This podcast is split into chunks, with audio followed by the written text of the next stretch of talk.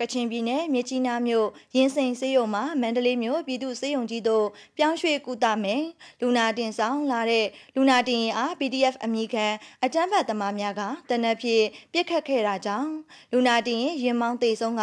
အကူရင်မောင်းထိခိုက်ဒဏ်ရာရရှိခဲ့ကြောင်းနဲ့အဆိုပါလူနာတင်ရင်အားအကြမ်းဖက်သမားများကမိရှို့ဖျက်ဆီးခဲ့ကြောင်းသိရပါတယ်။ ဖြစ်စဉ်မှာဇန်နဝါရီလ31ရက်နေ့ညနေ3နာရီအချိန်မှာမြေကြီးနားမြို့ရင်စိန်စင်းယုံမှာသွေးကြောပိတ်ယောဂဖြင့်ကုစေကူတာမှုခံယူလေးရရှိတဲ့ဝိုင်းမော်မြို့နယ်ခတ်ချိုရွာနေဦးဒီလေးရဲ့ကျမ်းမာရေးအခြေအနေအရမန္တလေးမြို့ပြည်သူ့စေယုံကြီးတို့ပြောင်းရွှေ့ကူတာရန်တူနာပြုဆရာမ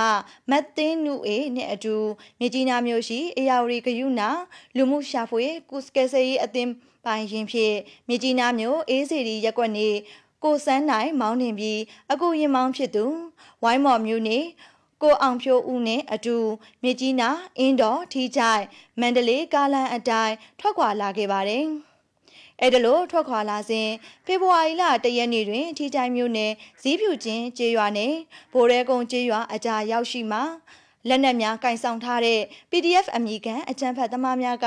လူနာတင်ရင်အားတားဆီးပြီးတနက်များဖြင့်ဝိုင်းဝန်းပစ်ခတ်ခဲ့တာကြောင့်သူနာပြုဆရာမမတ်သိန်းနုအေးမှတေဆုံးပြီးဒဏ်ရာရရှိခဲ့တဲ့လူနာတင်ရင်မောင်